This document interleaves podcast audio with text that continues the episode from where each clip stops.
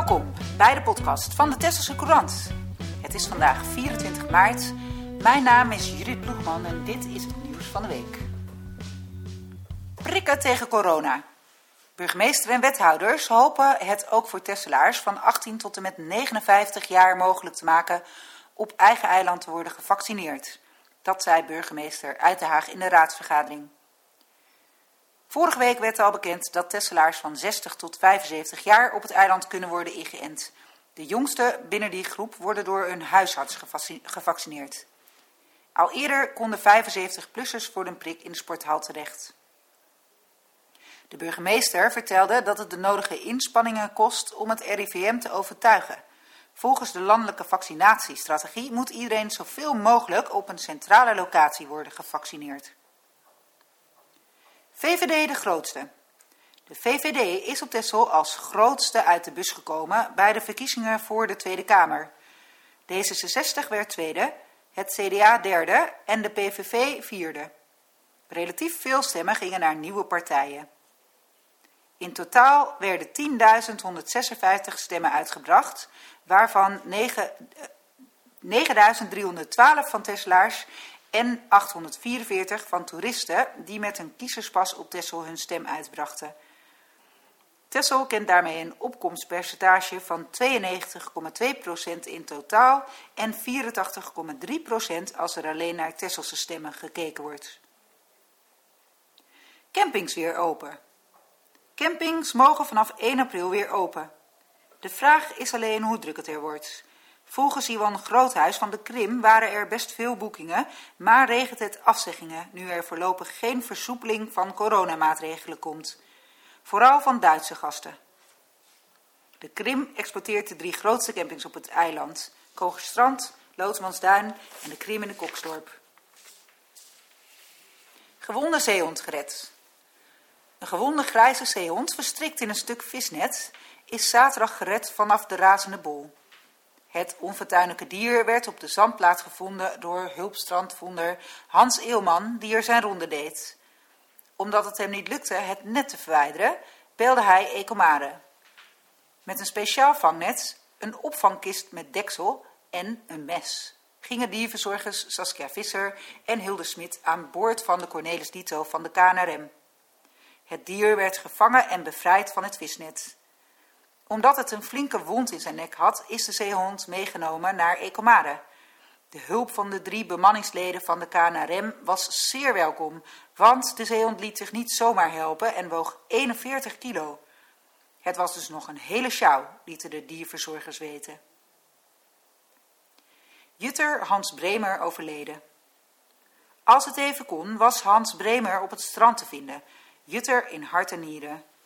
Hij sleepte er heel wat spullen vandaan. Het meest spannende avontuur was de stranding van de Kompas op 1 januari van de Kompas 1 op 12 januari 1986. In het boek Jutters en strandvonders van Tessel vertelde Hans hoe de beveiliger die het gestrande schip moest bewaken door Jutters om de tuin werd geleid.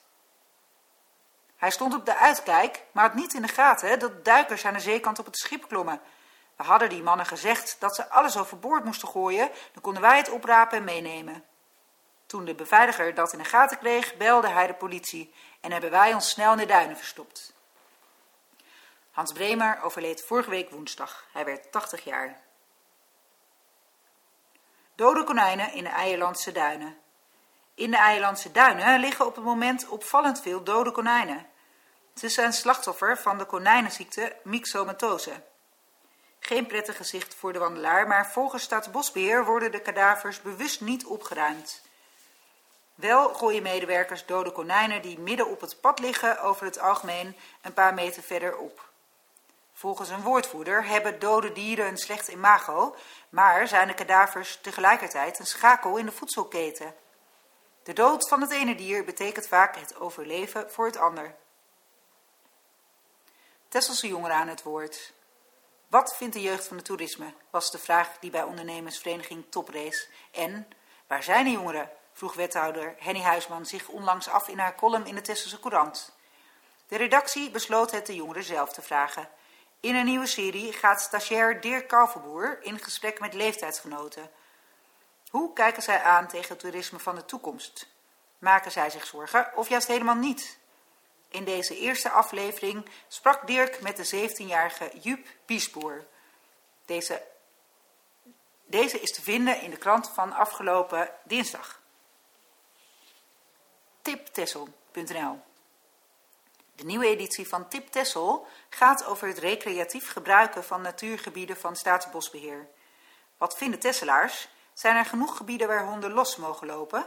Moeten er gebieden komen waar honden helemaal niet welkom zijn? En hoe kijken Tesselaars aan tegen het gedeeld gebruik van paden door fietsen, wandelaars en ruiters? Met ruim 700 deelnemers is Tip Tessel het grootste opiniepanel van Tessel. Wie nog geen lid is, maar wel wil meepraten, kan zich aanmelden via de website. Jaap Dros, Jan Kune en J.C. Bloem. Op YouTube is een documentaire te zien over Jaap Dros en Jan Kune en een poëzieprogramma rond dichter J.C. Bloem.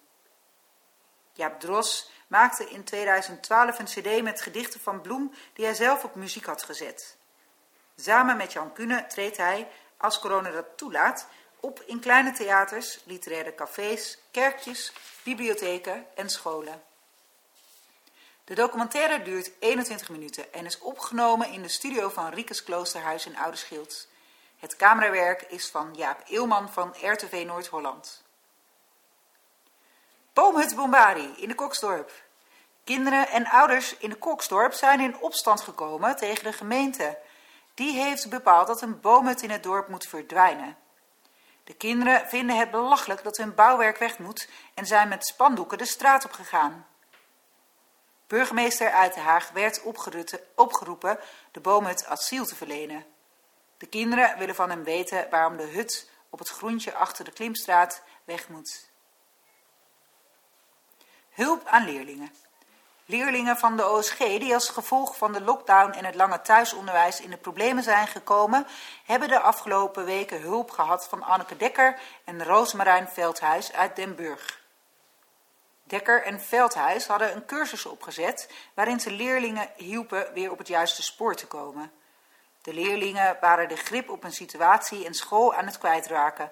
Zij volgden de lessen niet goed meer en raakten daardoor achter met het huiswerk. Tijdens de bijeenkomsten met Dekker en Veldhuis leerden ze de technieken om grip te houden en om niet te vervallen in gepieker of in sombere gedachten. Dekker en Veldhuis hopen de komende tijd nog meer leerlingen te kunnen helpen. Arie Eeuwman. Arie Eeuwman van de Welkoop neemt na meer dan 45 jaar afscheid van de Welkoop in Den Burg. Hij begon er ooit als scholier met een bijbaantje en was later jarenlang de bedrijfsleider. De Welkoop is onderdeel van een landelijk concern, maar dat weer hield Arie er niet van om zijn eigen koers te varen.